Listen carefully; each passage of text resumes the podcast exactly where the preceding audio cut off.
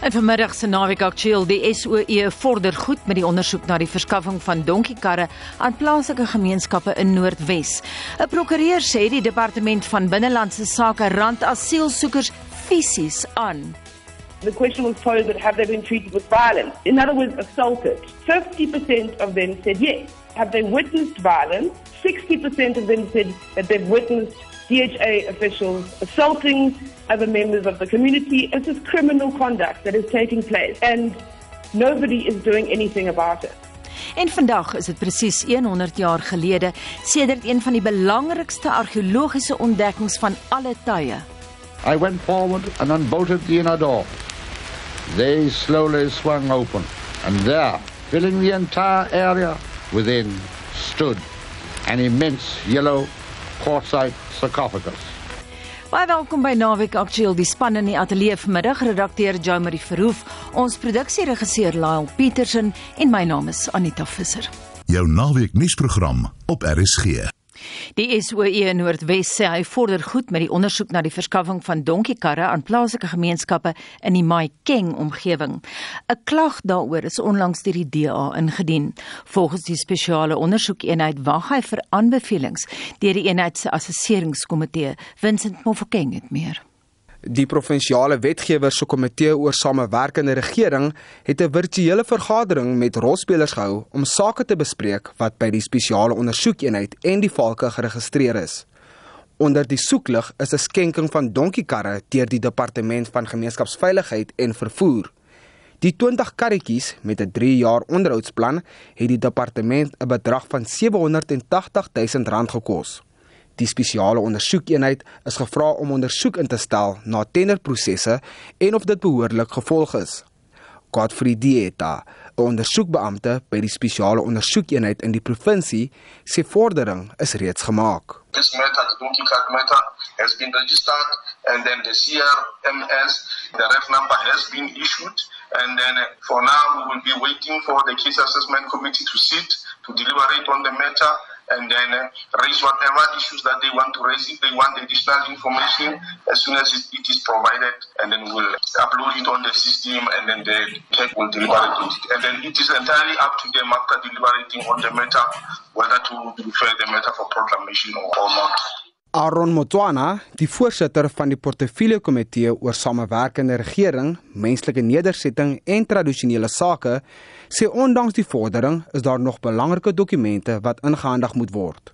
The donkey cards issue, what is outstanding in terms of that huge progress has been registered. What is outstanding is documentation with relating to payments and your supply chain documents that relates to how the tender was processed and so on and so on. I believe that should we be able to submit that in the next week or so as we agreed with the SIU, they should be able to between now and then make a decision as to whether they are going to start effecting arrest on this particular issue or not.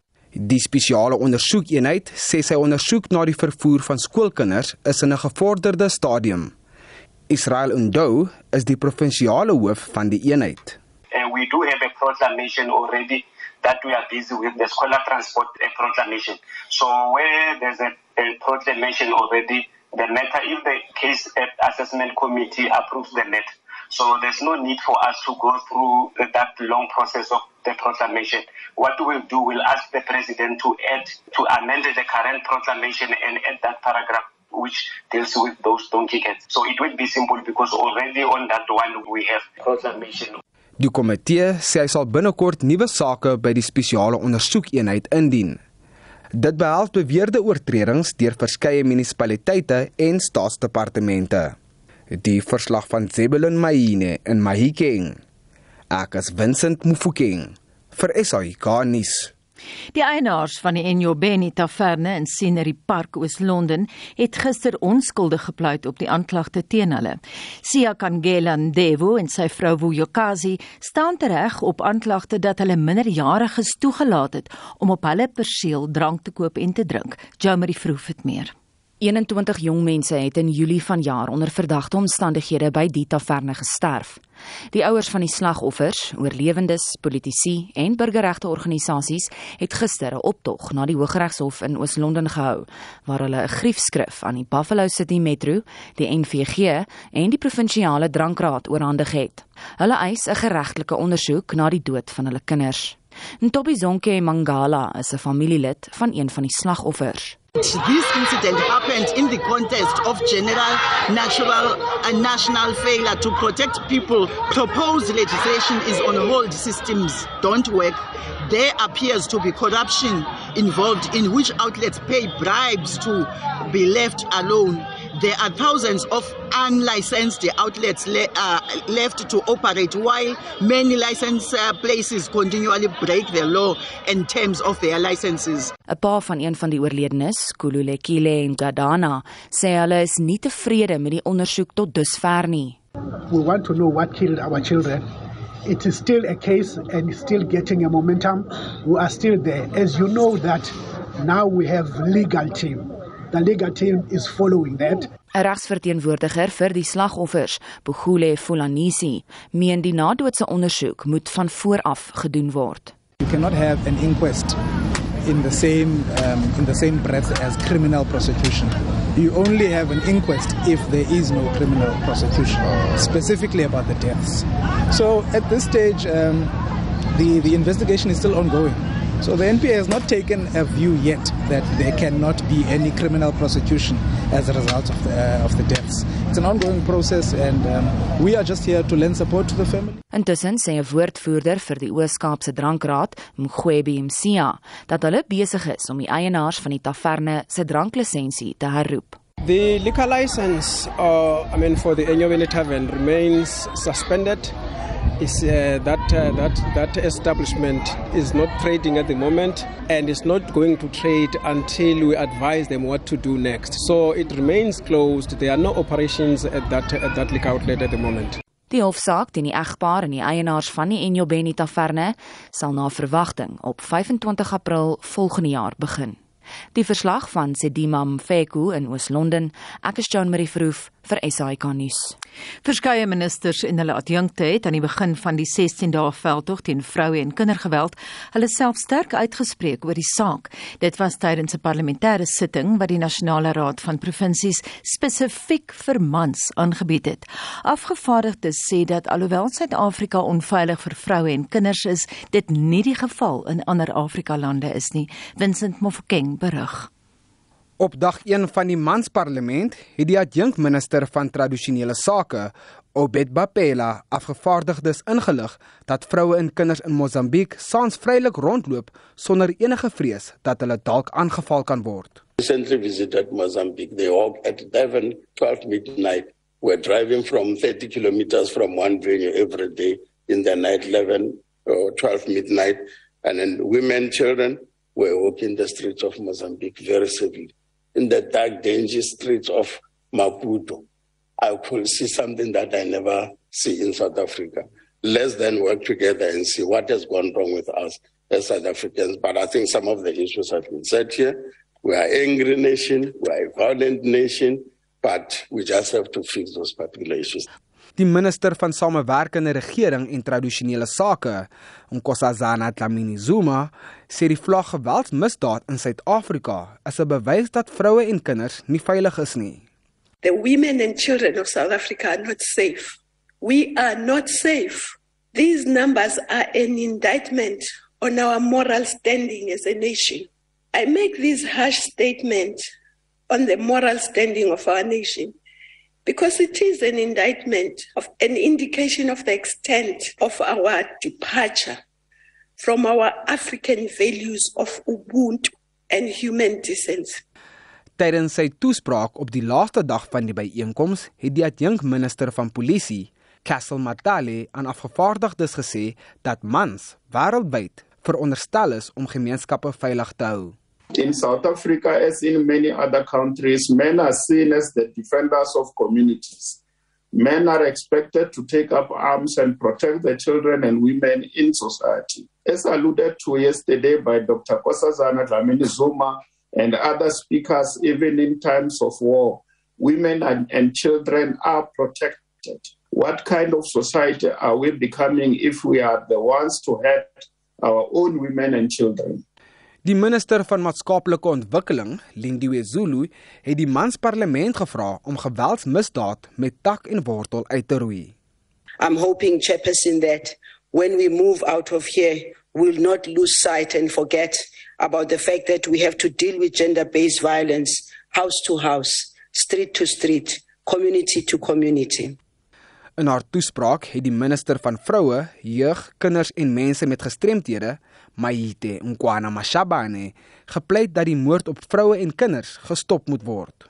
Can women, youth and girl children stop dying for having done nothing? Can we stop the killing? Can we stop the crime? Can we stop the unnecessary killing, which is gender based uh, crime? But can women stop dying in their bedrooms but from their loved ones? I mean, in a bedroom, there's never a place where you feel the safest, like a sanctuary, like you feel in your bedroom. Intussen het die minister van polisie, Bekkie Cele, die week tydens die bekendmaking van die kwartaallikse misdaadstatistieke gemaan dat geweld teen vroue en kinders steeds toeneem. Over 13,000 women were victims of assault with intent to cause grievous bodily harm between July and September 2022. 1,277 women were victims of attempted murder, and 989 women were murdered during this reporting period. Over 10,000 rape cases were opened with the SEPs between July and September this year. From a sample of 8,227 rape incidents. Die minister het ook gesê dat 558 kinders sedert die begin van April tot einde September vanjaar vermoor is. Die polisie ondersoek tans 294 sake van poging tot moord op kinders. Die verslag deur Mercedes Besent in die parlement. Ek as Vincent Mufokeng vir SAK nuus. 15 miljoen mense in Suid-Afrika sit sonder dokumentasie, aldus 'n verslag wat Lawyers for Human Rights aan die parlement voorgelê het. Die hoof van die sogenaamde staatslose persone projek, Tandeka Chauke, het skerp kritiek gelewer op die departement van binnelandse sake se onvermoë om inligting korrek en vinnig te verwerk. Verder word aanteggings oor xenofobie gemaak. Naweek Aktueel het met 'n Zimbabwese informasie-tegnologie spesialis gepraat oor sy ervaring. Die 46-jarige Zimbabwese IT-kundige wat naamloos wil bly, maar met wie Naweek aktueel professioneel kontak het, is al 10 jaar lank in Suid-Afrika en is vol lof oor die manier waarop sy aanvanklike werkspermit vir 5 jaar lank goedgekeur is. Die Suid-Afrikaanse konsulaat in Harare het flink te werk gegaan danksy sy spesiale vaardighede. The people were just very professional. They would guide you with what the requirements and you submit all the checklist. You are just given the next date to come and collect uh, your results. During collection, we used to pay 100 US dollar taken as a deportation deposit should you not get a job in your requisite critical skills. If you fail to get a job, that was like a guaranteed amount of money which was going to be used for you to come back to your country. Daarna verloop die storie soos volg. I um, entered in South Africa in 2012 with my critical skills permit issued by the South African consulate in my own country. The only challenge I faced was I delayed submitting my ID application, and then they initially wanted me now to renew my critical skills permit, and uh, there was a delay in that renewal. So there was two numerous follow-ups, and they rejected my renewal. The reason for that was uh, I wasn't now at that time registered with the new professional IT body, IITPSA. So I had to run around again to quickly get that registration body and then resubmit the critical skills permit. I eventually got it after a long time. I was uh, so worried because I was already in the country. I thought it was going to be even faster when I'm already in South Africa. And at one time, I was not even allowed to, you can't leave because your permit hasn't been renewed. So you had to stay in the country until your document was finally adjudicated. Finally, I got it, and then I didn't delay now submitting for the ID, which took me a year. Die proses om 'n ID-dokument te kry was inderdaad nie maklik nie.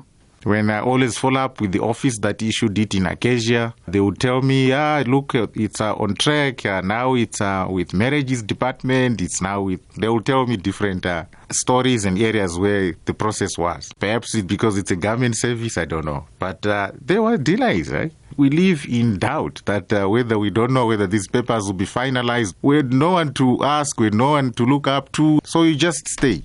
When you live in a foreign country and your documents are being delayed, it becomes so difficult for your planning, especially for some people like us who are family. You are a father of a family and um, you are kept in a limbo and uh, you don't know where your next destination is or your next move.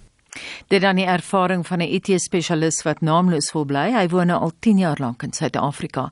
En ons bly by die storie. Die 33-jarige Claren Rou Ferreira is 'n prokureur wat in Linksfield, Johannesburg praktiseer. Sy het oor die afgelope 12 jaar die Departement van Binnelandse Sake se hantering van vlugtelinge vanuit talle Afrika-lande ten nouste gemoniteer en hier volg haar indrukke. What is happening behind those closed doors is condemnable behavior. In fact, it's criminal. There's assault, there's abuse. When people are handed their permit, they're not handed their permit. The permit is thrown at them. They are expected to tell an enormously traumatic experience and a story and a reason for fleeing their home country, cutting ties with their community, with a stranger who can be abusive towards them. We're talking about xenophobia as this term that's sort of loosely thrown around. We're really undermining what is actually happening. This is a country in crisis. Boonop moet die vlugtelinge of voornemende immigrante hulle stories herhaaldelik vertel aan verskillende amptenare oor 'n lang tydperk, soms selfs dekades, wat die druk op hulle baie verhoog. When they eventually apply for permanent residency, if they've been here for at least 10 years as a refugee, they have to retell the story again. Now imagine 10 years or 20 years, they're having to now actively remember intricate details of what they've been actively trying to forget happened to them. It's a re traumatization over and over and over again. Verder vind die trauma agter geslote deure plaas sonder die bystand van regsverteenwoordigers. Nog 'n speek in die bureaukratiese wiel is die feit dat mense in die proses selfs hul paspoorte kan verloor. If you as a refugee permit holder have been here for 20 years and you suddenly become entitled to apply for a critical skills visa. When you do so, you need to have an up to date passport. But by making application for this passport, in fact, by simply setting foot in the consulate of your home country, you are committing an act of cessation. En net om sake verder te bemoeilik, is die staande komitee vir vlugtlinge kortom bekend as SKRA wat ironies juis gestig is om buitelanders by te staan hopeloos so Claren Rou I would like to challenge you and your listeners to find a contact number for SCRA. There's not information that is disseminated to anybody. As a legal practitioner, we struggle with these things. Imagine as a refugee who doesn't speak English, who doesn't have access to internet, who can't simply pick up a phone. What do they do? Rou Ferreira voel so sterk oor die saak dat sy 'n meningspeiling onder 30 vlugtelinge gedoen het. Een vraag was: "Het jy al xenofobie by binnelandse sake ervaar?" En die antwoord was: 80% of them said yes. The question was posed that have they been treated with violence? In other words, assaulted. Right? 50% of them said yes. Have they witnessed violence, an assault by DHA officials and security? 60% of them said that they've witnessed DHA officials assaulting other members of the community as well as the security that are on site. This is criminal conduct that is taking place and nobody is doing anything about it. Politici is ewe bekommerd. Die DA se skademinister vir binnelandse sake, Adrian Roos, beklemtoon egter die feit dat Suid-Afrikaners ook ly onder die departement se onbevoegdheid. We've been aware for a long time about the number of persons in South Africa without a legal identity. The challenge is always how it's framed, and it seems to be framed as if all of these persons are foreign nationals and illegal foreign nationals. Whereas what really came out in the meeting was that the majority of these persons are South Africans. Een haakplek wat Lawyers for Human Rights in hulle voorlegging aan die parlementêre portefeulje komitee vir binnelandse sake uitgewys het, is dat amptenare onbewus is van hofuitsprake, iets wat Adrian Roos self ervaar het toe hy as nuwe pa sy dogter Lilibeth se geboorte wou registreer.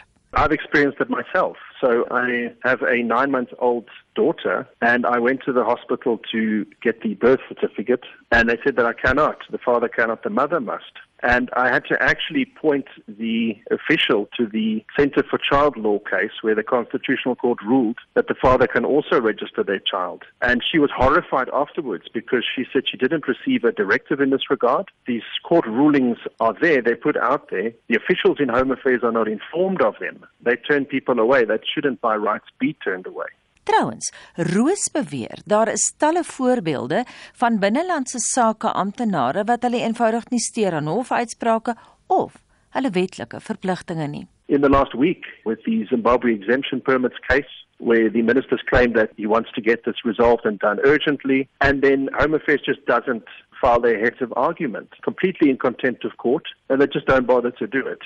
Die DA glo die manier om Suid-Afrikaners wat tussen die krake deurgevalle te legitimiseer is om skole te teiken met behulp van mobiele eenhede. Where there's an indigent father, for example, to assist with uh, DNA testing, which is currently preventing these children from registering their birth.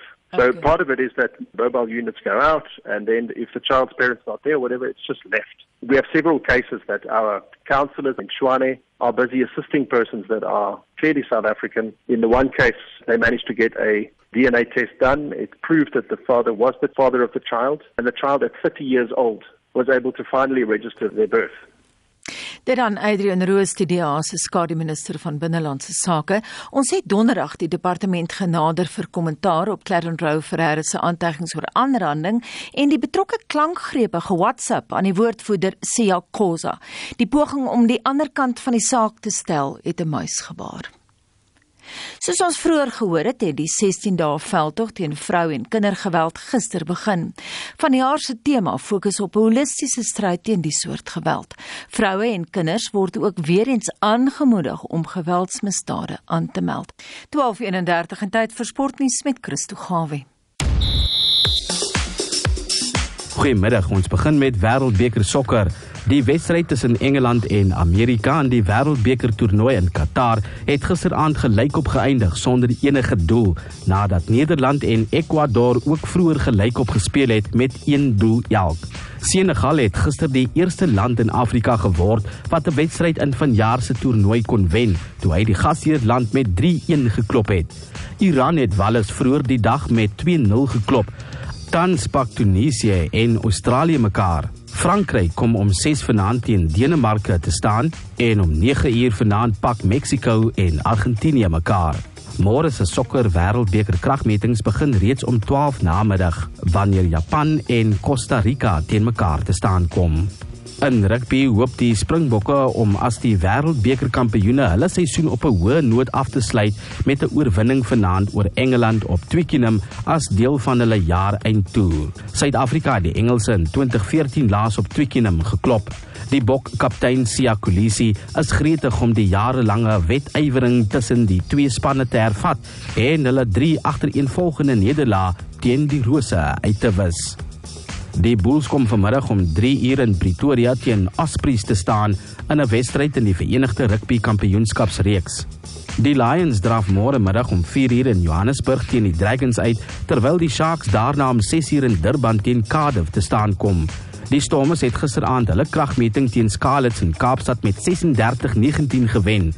Wat toets rugby betref, pak Wallis en Australië mekaar vanmiddag om kwart oor 5 in Cardiff, waarna Suid-Afrika en Engeland om 08:30 in Londen teen mekaar sal uitdraf. En die Spar Proteas het gister hul onoorwonde rekord in die Spar Diamant uitdaging behou deur die presidentspan met 59-34 in die Rembrandt saal by die Tiksport sentrum in Tshwane te klop. Hulle het in wat na verwagting hulle tuiste wedstryd sou wees uitgekom en was 17-7 voor na die eerste kwart en 33-12 voor teen rustyd. Die senior span het 'n paar foute begin maak en die jonger span net kapsie gemaak. Die Spar Proteas het die laaste kwart met 13-10 gewen. En dit dan een van ons sportkorrespondente Christo Gawie. Dis die derde dag van die Joburg Ope en Pieter van der Berg hou vir ons sake dop Pieter. Ja, maar dan sê Anita, ja, dit is soos jy sê die derde dag, die derde ronde wat uiteindelik begin het want gister natuurlik die tweede ronde wat onderbreek was deur reën en uh, vanoggend moes die manne voltooi die uh, tweede ronde, hele klompie van hulle wat hulle tweede ronde moes voltooi.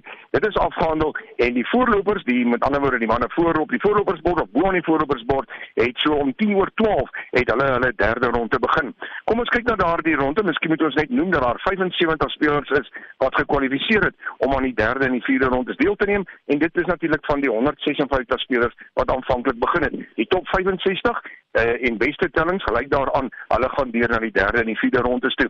Nou wat uh, die eh, derde ronde aan betref, goeie nuus vir Suid-Afrika, Louis de Jager, Daniel van Tonder en Christian Besuitnout wat almal op 10 onder was, het sommer al drie op die eerste puitjies het hulle uh, voetjies aangeteken en na 11 onder toe te, te, te beweeg. Die uh, voorop op die oomblik is uh, Casey Jarvis van Engeland en Dan Bradbury ook van Engeland beide op 1300 syfer en op 1200 die man van Finland, Sami Willemaki.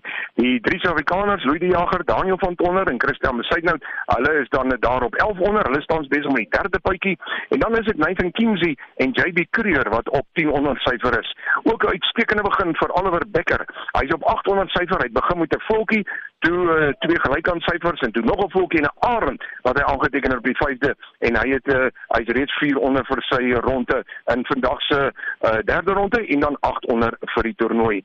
Wat die ander Suid-Afrikaners betref, Hoekom nie naby goed geplaas op 800 syfer en dan sien ek daar dat Dylan Mustard op 700 is en uh, daar is ook 'n Craig Howie op 700 syfer. So die derde ronde behoort dan in die omgewing van so skuins na uh, half 5 vanmiddag iets van die verlede te wees. Ons gaan deur die loop van die middag uh, ons luisteraars op hoogte hou in RSG Sport oor die gebeure dan hier van die derde ronde by van jaar se Joburg Ope op die Houghton Golfbaan. Anita, dit is die golfies daarmee terug na jou in die ateljee hier naby.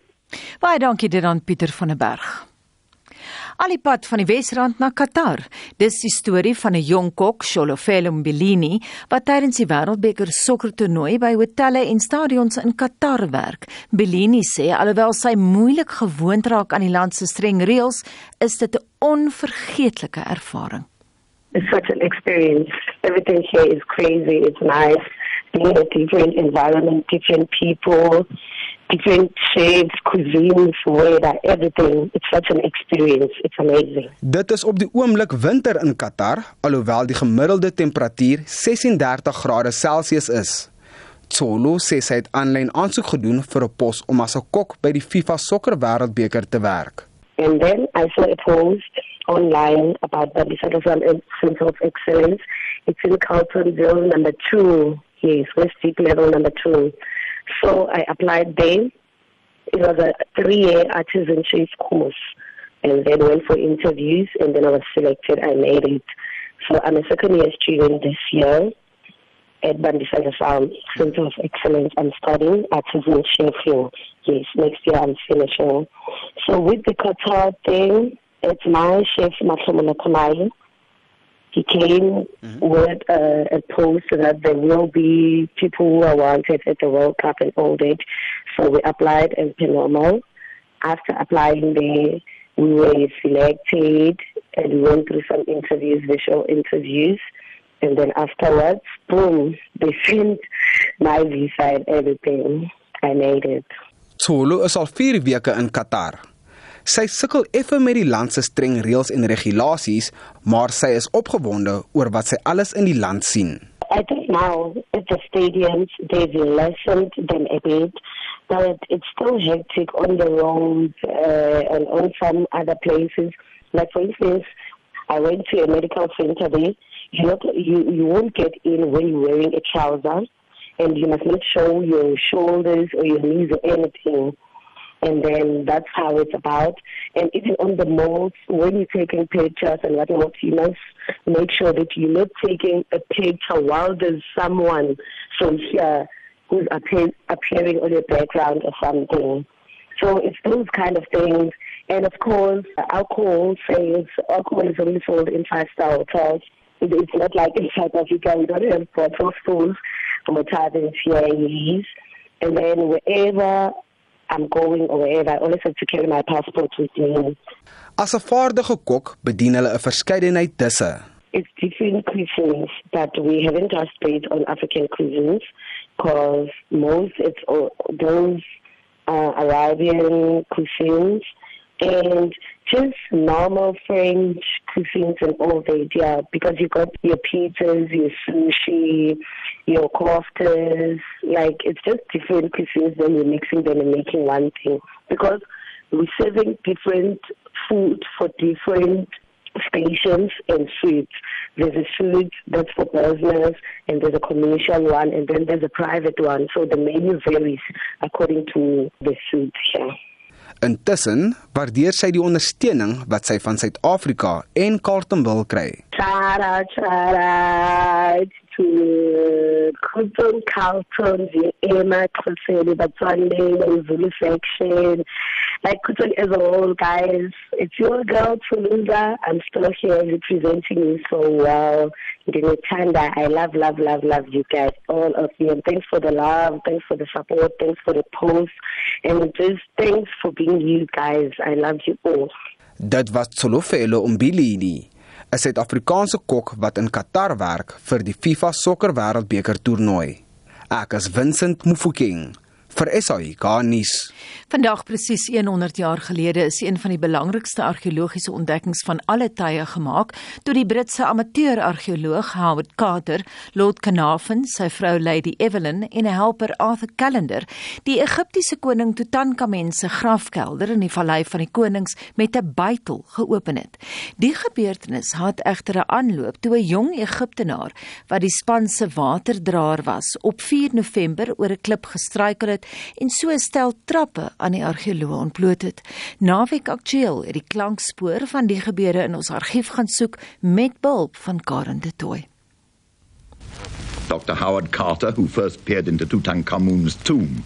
With intense excitement, I went forward and unbolted the inner door. They slowly swung open, and there, filling the entire area within, stood an immense yellow quartzite sarcophagus. It effectually barred any further progress until we could raise the lid. Then a decisive moment. None of us but felt the solemnity of the occasion. In a dead silence, the huge lid, weighing over a ton and a quarter, was raised from its bed. Light shone into the sarcophagus. The contents were completely covered by linen shrouds. But as the last shroud was rolled back, a gasp of wonderment escaped our lips. So gorgeous was the sight that met our eyes. A golden effigy of the young king of magnificent workmanship filled the whole of the interior. This was but the lid of a series of three coffins nested one within the other, enclosing the mortal remains of the young King Tutankhamun. Carter's discovery allowed us to listen to the trumpets which had first sounded 3,000 years before.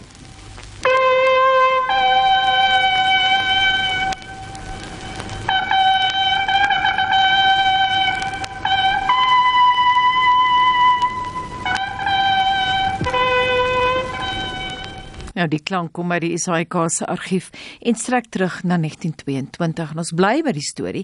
Naweek aktueel het die argeoloog Anton van Vollenhoven van die maatskappy Arca Ethnos gevra om die Howard Carter ontdekking in Egipte binne konteks te plaas. In die eerste plek omdat dit die beste waarde Egiptiese graftombe was wat tot nog toe gevind is. En die rede daarvoor is dat omdat die graf onder die graf van Ramses 6 was, kon die grafrowers dit nie in die hande kry nie. Dit het beteken dat die grafgoedere, die fantastiese goue voorwerpe en so meer hoofsaaklik nog alles in die graf was en nie uitgehaal is nie. Maar wat daarmee saam is en dit is nogal baie belangrik in die argeologie is dat Howard Carter het 'n besonderse vermoë gehad om dokumentasie te doen. En hy het al hierdie voorwerpe verskriklik mooi geteken. Hy was eintlik 'n tekenaar aanvanklik. Baie nou geset opgeskryf, baie versigtig, baie volledig dit baie versigtig verpak om dit te beskerm En eintlik hierdie tegnieke wat Kater gebruik het, word vandag nog in die argeologie toegepas wat dit is eintlik dan 'n besonderse metodologiese agtergrond gee wat dan van groot belang is. En natuurlik dan die waarde, die nasionalisme wat dit in Egipte opgewek het dat hier is 'n koninklike tombe oopgemaak wat iets meer het as dit wat hulle eintlik gewoond was om uit die meeste van hierdie graftombes te kry. Weereens in die argeologie kon ons soveel meer daaruit leer oor die begrafnisgebruike en die kultuur van ou Egipte. Maar toe vat die Engelse dit. Ja, toe van die Engelse dit. Dit was nou maar in 'n groot mate die die gebruik daardie tyd dat jy het hier die persoon of instansie gehad wat jou finansiëel ondersteun het en dat hulle dan eintlik soort van eienaarskap van hierdie goed gekry het soos met baie ander voorwerpe nie net die Tutankhamun se graf nie ook uit ander wêrelddele het baie van hierdie goed nou maar na Brittanje of selfs na ander lande toe gegaan as dit dalk 'n Duitse argeoloog of 'n Franse argeoloog was.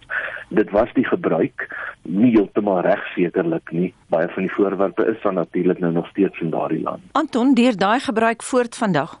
In 'n mindere mate, daar's 'n baie groter gedagte in die argeologie en bewaring om eerder iets te bewaar presies waar dit vandaan kom want dit dink dan in sy konteks soveel beter verstaan word. Dit gebeur sekerlik nog dat voorwerpe weggevoer word om watter rede ook al baie keer dit te maak met 'n museum of 'n universiteit wat sekere tegniese vermoëns en instrumente het dat hulle analises en so aan kan doen, maar gewoonlik sal die goed dan weer teruggestuur word waar dit vandaan kom.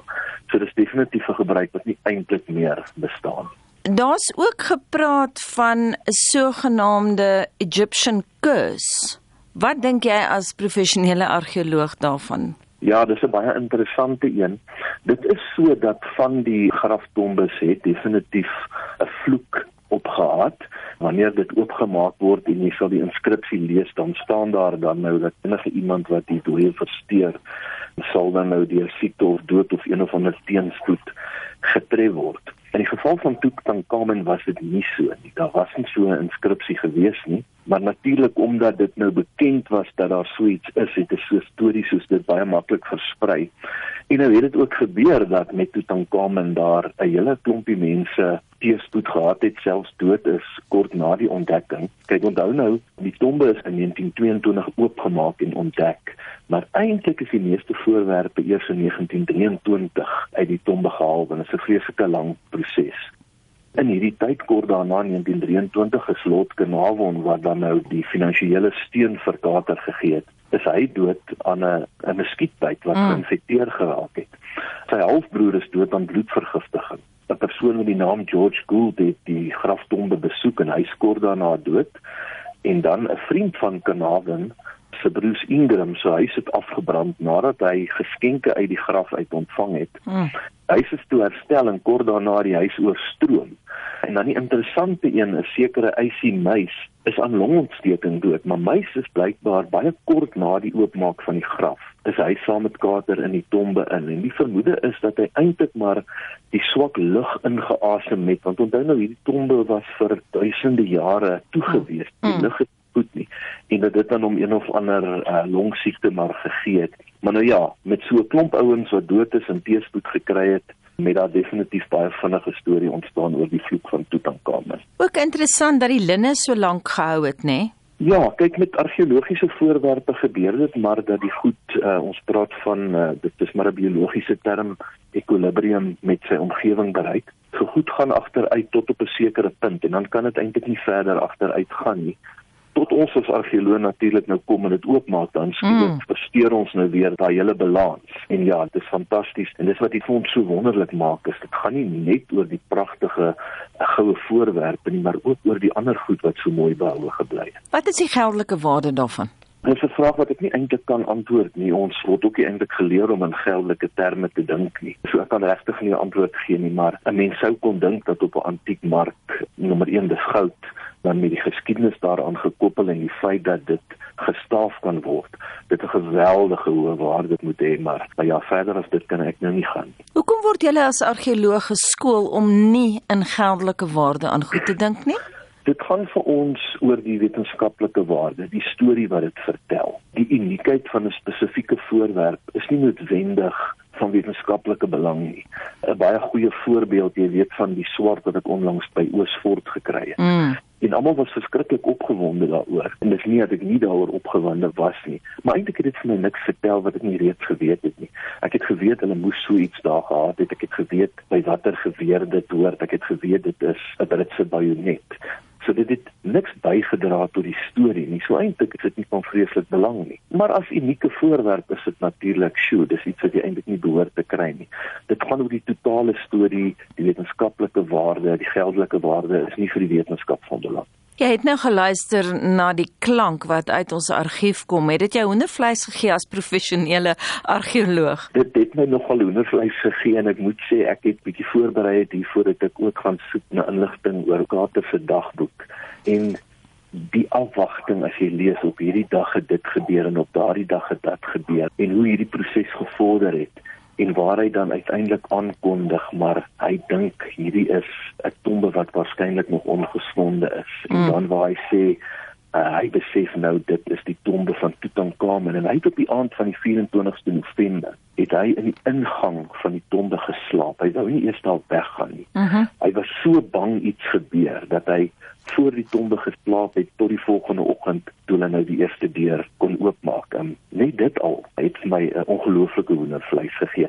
Kyk, dit is 'n wonderlike storie. Dit is 'n wonderlike storie dat Kater uit hierdie geloof gehad, uit navorsing doen, uit geglo iewers is daar nog 'n taamlik ongeskonde graftombe en hy 10 jaar na Tutankhamen se graf gesoek. Ja. En Kanaven het eintlik vir hom gesê, hierdie is die laaste jaar wat ek jou gaan borg my geldelike vermoëns is ook net soveel. En dit alles dra natuurlik dan nou by om tot die opbou van hierdie spanningslyn. Dit eintlik net 'n ongelooflike storie. Ook vir my baie interessant gewees om daai trompette te hoor. Hulle maak melding daarvan na soveel jaar. Kan jy die trompette weer hoor? Ja, die trompetgeskil. Ja, dit is baie besonder dat voorwerpe so goed gemaak is mm. om so lank te hou en dan nog ongewerk het. Dis regtig besonder. Is daar 'n skool van denke onder argeoloë dat sulke tipe fondse bewaar moet word? Jy het net nou gepraat van binne hulle konteks en ek het aangeneem jy verwys na binne die konteks van die land waar hulle gevind is, maar binne die konteks van die eintlike plek dat dinge eintlik net daar gelos moet word en daar besigtig moet word. Is daar so 'n skool van denke? Dit is eintlik die nuutste skool waarbinne ons steeds werk omdat dit ding binne daai konteks meer betekenis het. As jy byvoorbeeld dink selfs aan 'n gebou, 'n gebou word opgerig binne 'n sekere stedelike omgewing en die gebou praat eintlik met die omgewing rondom hom. En die oomblik wat jy nou iets wegvat, dan verloor jy dit. En as ons nou aan iets dink soos die Elgin Marble mm. wat ook in hierdie tyd weggevat is, dit is eintlik vernietig in die proses. Vernietig nou tussen aanhalingstekens. Ja, dis in die Britse museum, maar jy verloor daai grootsheid van hierdie kunswerke omdat dit nie gesien kan word binne sy omgewing nie. So dis 'n baie belangrike skool selfs ons wetgewing in Suid-Afrika is die bedoeling dat argeologiese voorwerpe eintlik maar moet teruggaan na die plek waar dit vandaan kom selfs al sou dit dan net in 'n museum wees en nie op die terrein uitgestal kan word nie want dit is nie altyd moontlik nie juis om daai konteks en daai verband te bou Dit dan die argeoloog Anton van Vollenhoven van die maatskappy Arca Ethnos. Van Vollenhoven is ook buitengewone professor aan Noordwes Universiteit.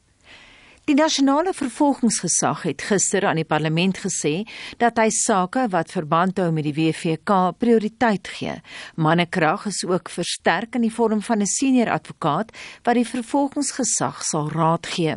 Die waarnemende hoof van die NVG, Radnie de Kok, sê meer ondersoekers en aanklaers is ook aangestel wat maandeliks terugvoer sal gee oor die vordering van WVK sake. Celine Merrington het meer. Die nasionale vervolgingsgesag ondersoek tans 129 sake van die Waarheids- en Versoeningskommissie. 46 sake is weer heropen. Daar is ook meer kapasiteit wat betref ondersoekers en aanklaers wat aan die sake werk. Die waarnemende hoof van die NVG, Rodney de Kok, sê hiermee saam word daar ook onafhanklike senior regshulp ingewin. And we have appointed outside counsel that will act independently of the NPA and of the NDPP in particular um, that will review this work. Uh, the council that we that we have approached um, is someone that has worked closely with the TRC matters. Um, I'm not at liberty to, to disclose uh, the name at this point, uh, because I'm not sure whether the person has actually been appointed or not. De Kok sê die WVK sake word as topprioriteit beskou.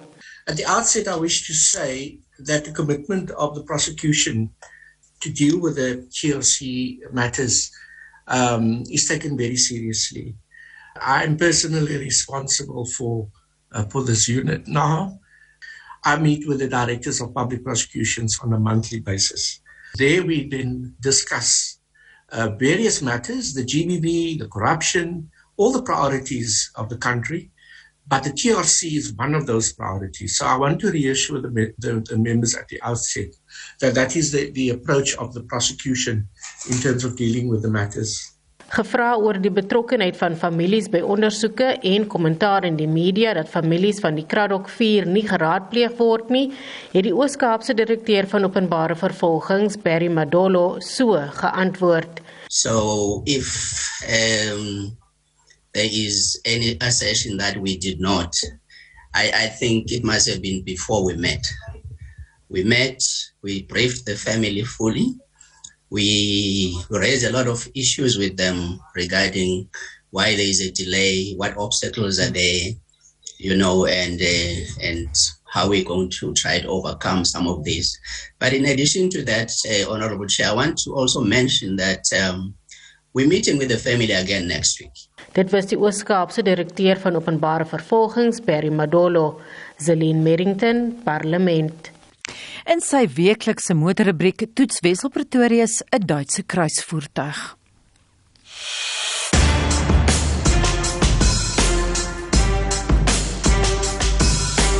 Opel se voorheen redelik konservatiewe beeld onder General Motors ondergaan 'n metamorfose in die Stellantis groep, soos in die geval van die nuwe Mokka. Ek het die dieder van twee modelle gery, die 1.2 turbo GS line teen net anderkant 'n half miljoen rand. In die kompakte kruisvoertuigklas vang die Opel beslis die oog met 'n aantreklike, charismatiese voorkoms. Die toetsmodel se nogal fris en sportiewe bakwerk word beklemtoon deur 'n opvallende mamba groen kleur, netjies gekomplementeer deur hoogstaande swart wielbo met swart 17 duim wiele en dan kom die dak en pilare ook in swart. Die sierrooster tussen die hoofligte is toe, soos in die geval van elektriese voertuie. Die masjien haal asem deur 'n onderste rooster. Die kajuit is minimalisties en modern en die materiale voel van 'n goeie gehalte. Die twee skerms voor jou spog met die jongste digitale tegnologie, maar gelukkig steeds fisiese knoppe om die radio en die ligversorging te beheer. Die swart paneelbord word netjies met koolstof en silwer afgewissel.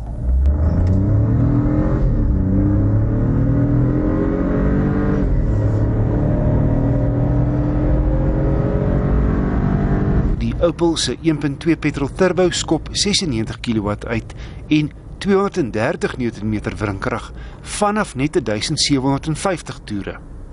Kraglewering geskied flink en moeiteloos vanaf lae toere deur die 8-spoed outomaties. 0 na 100 in net minder as 10 sekondes. Verbruik op my gekombineerde roete was 6,7 liter per 100 km.